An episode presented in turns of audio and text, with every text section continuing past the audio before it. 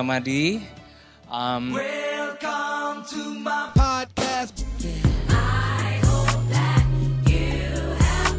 Blessed and highly favored. Hello, welcome to podcast series So You Think You Can Preach. Nah, teman-teman sekalian, podcast series ini ditujukan buat kita semua yang belajar atau sedang menyampaikan firman Tuhan di tempat kita masing-masing. Mungkin teman-teman adalah seorang pastor, pembina, eh, pemimpin komsel, atau pembimbing di kampus yang harus menyampaikan firman Tuhan. Nah, series ini akan bahas dan ngobrol dengan banyak pengkhotbah tentang tips-tips menyampaikan firman yang powerful. Nah, sebagai basic teman-teman sekalian, saya nulis sebuah buku yang judul Hotter Than Gossip. Lebih hot daripada gosip yang bisa didapatkan di Tokopedia. Tokopedia kayaknya jual paling banyak deh. Dulu ada di Gramedia, tapi udah pada habis sekarang. Kemudian ada di Shopee juga. Nah, ada beberapa toko online yang teman-teman bisa cari. Um, Hotter Than Gossip. Itu adalah teknik langkah-langkah menyampaikan kebenaran firman yang nancep dengan prinsip lihat pikat hikmat curhat. Oke, kita langsung mulai. So, kalau bicara preaching sendiri atau khotbah bicara di depan umum, apa sih standarnya khotbah yang bagus?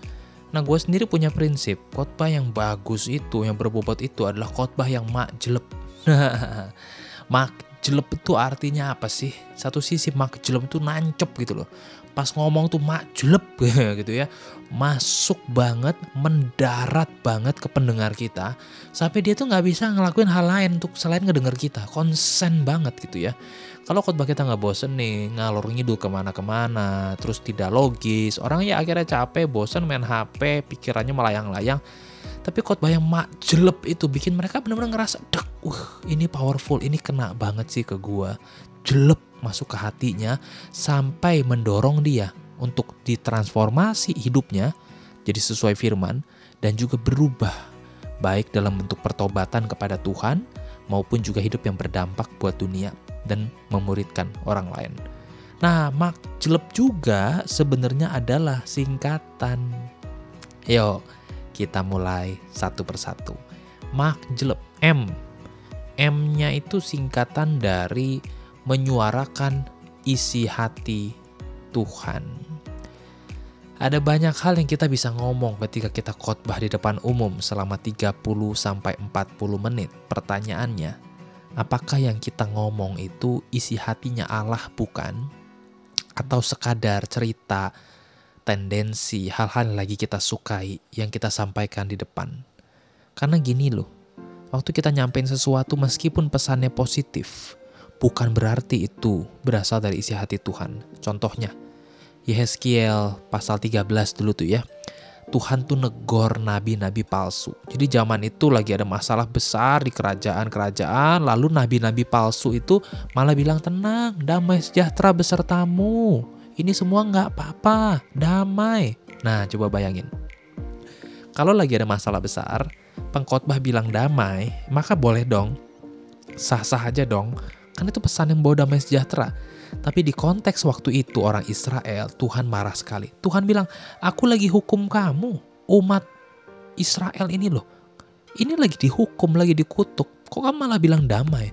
Harusnya pesan yang benar adalah misalnya bertobatlah. Tuhan lagi menghajar kamu, tapi kamu kok nggak sadar-sadar. Kayak kitab uh, Yesaya pasal 40-an. Ini Tuhan udah bikin kamu kebakaran, tapi kamu masih anggap, ah nggak ada apa-apa ya, semoga ini cepat berlalu ya.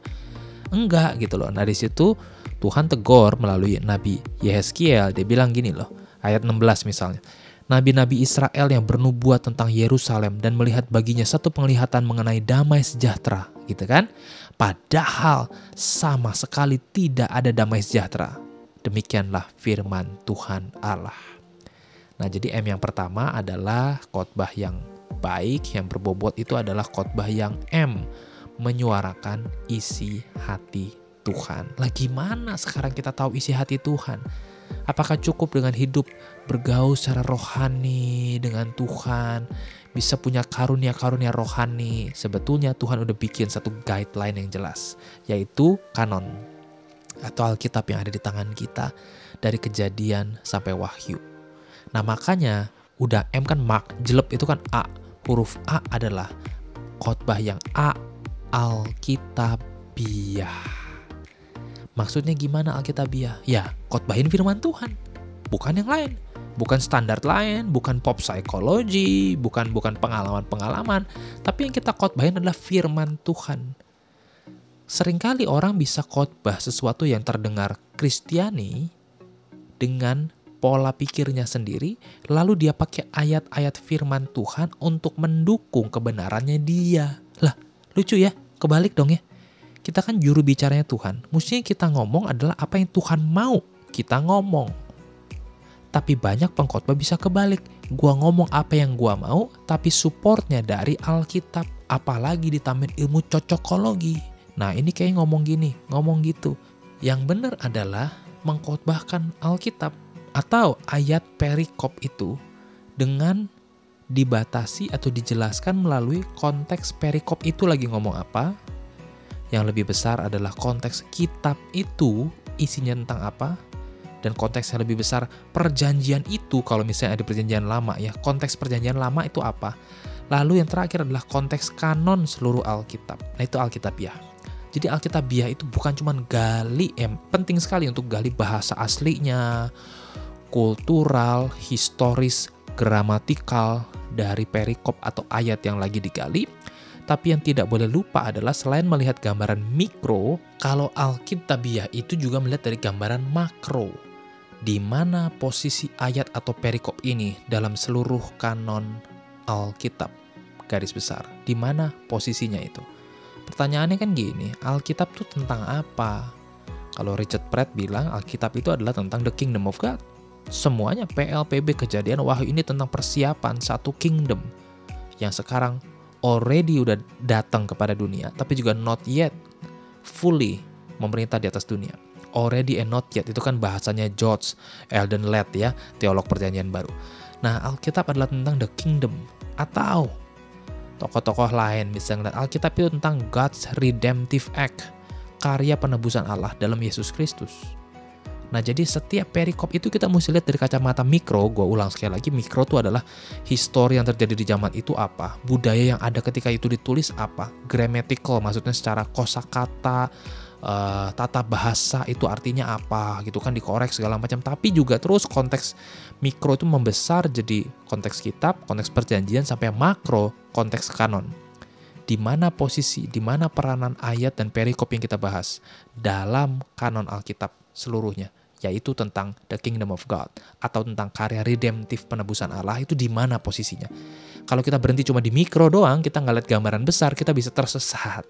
Dalemin sampai detail, tapi nggak ada kaitannya sama Yesus Kristus. Nah makanya yang K kan mak jelep ya, yang K itu singkatan dari Kristosentris. Khotbah yang nggak ada Kristusnya itu khotbah yang pre Christian. Jadi belum nyampe Kristen ya khotbah moralistis yang baik, nasihat isinya. Tapi khotbah Kristen yang sejati adalah khotbah yang meninggikan Kristus dan menceritakan tentang Kristus. Kenapa?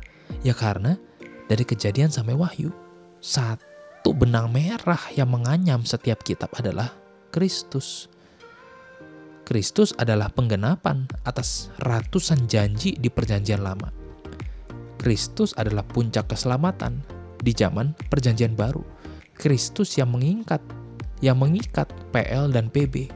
Dan di bawah kolong langit ini tidak ada nama lain yang kita bisa diselamatkan selain di dalam nama Kristus Yesus Tuhan kita. Nah, setiap khotbah kalau nggak kristosentris bisa terjebak ke moralistis Belajarlah seperti Daud yang berani melawan Goliat. Saudara sekalian, apa Goliat dalam hidupmu? Jangan takut, hadapi dengan batu-batu iman. Kayaknya bagus khotbah itu. Tapi di mana Kristusnya? Dan who is the hero? Siapa pahlawan di khotbah itu? Bisa jadi terjebak kita pada moralistis, yaitu gini. The hero is David. Daud lah yang jadi pahlawan. Belajarlah dari Daud. Atau the hero-nya kita Makanya kita mesti bisa jadi pahlawan, kita mesti menang terhadap pergumulan. The hero jadi kita lah. Numpang nanya, Kristusnya di mana? Khotbah yang Kristosentris itu selalu Christ is the hero. We are not, Bible characters are not. Cuma Kristus adalah the hero yang bisa nyelesain semua masalah yang paling pelik yang manusia nggak bisa hadapin. Jadi ini sangat berpusat, khotbah yang berpusat pada Kristus adalah khotbah yang berpusat pada Injil. Gospel centered is a Christ centered preaching. M A K K-nya Kristosentris. Sekarang lanjut lagi yaitu jelep J. Khotbah yang baik adalah khotbah yang sederhana deh. J, jelas organisasinya jelas, maksudnya tuh struktur khotbahnya, progres majunya jelas, bukan khotbah yang bulat gitu loh. Jelas, jelas, jelas ada penjelasannya, ada ilustrasi, ada aplikasi dan maju terus kepada klimaks terus selesai. Khotbah yang jelas. Kalau khotbah yang jelas itu orang abis pulang denger khotbah tuh ngerti intinya tuh apa. Si pengkhotbah juga bisa ngomong. Kalau misalnya nih ya, ini besok hari Minggu nih, terus jam 3 malam gue telepon, bro besok khotbah tentang apa? Lu bisa jawab nggak khotbahnya apa? Kalau lu bisa jawab iya Den, gue khotbah tentang ini ini ini, nah artinya khotbah lu jelas. Kalau lu bilang, eh ya gue khotbah tentang ini, tapi begini terus lu jelasin ke gue 30 menit, artinya lu sendiri belum jelas. Jelas itu clear secara struktur, tapi juga bisa di, dibikin kalimat yang singkat. Ini adalah tentang ini dan jemaat tuh pulang tuh nggak dengan multi tafsir. Oh kayaknya tadi khotbahnya ini. Oh enggak deh, rasanya gini enggak. Jelas tuh clear organisasinya, progresnya, isinya, kesimpulannya dan garis besar big idenya tuh clear. J. L sekarang. L itu singkatan dari luas. Nah, ini ini dia yang jarang orang punya, luas. Luas itu gimana sih? Luas tuh gini kita ini memposisikan diri seperti firman Tuhan bilang punya telinga seorang murid ketika belajar Alkitab. Jadi kita ini punya sikap hati yang fleksibel, ngikutin teks yang kita bahas apa. Genrenya apa teks ini? Dia narasi, dia dia wisdom teaching, dia pengajaran, dia puisi, dia history, dia argumentasi, dia surat Paulus, dia apa apa apa genre teksnya. Khotbah kita tuh masuk ngikutin alurnya si khotbah, eh si teks Alkitab. Strukturnya gimana sih dia masuknya, dia bikin pembagiannya sampai kepada klimaks. Kita ini luwes ngikutin teks. Jangan kebalik. Gua orangnya logis, gua khotbahin apa pun akan logis. Itu salah. Maksudnya salah adalah dia nggak luas, dia nggak menundukkan dirinya pada otoritas teks Alkitab. Contohnya gini, gua orangnya logis, gua akan buktikan semua dengan metode argumentatif. Lalu orang itu khotbahin kitab Mazmur yang tidak ada keindahannya muncul. Semua jadi sangat kering dibahas argumentasinya, logis yang sangat rigid, bagus. Tapi itu nggak luwes.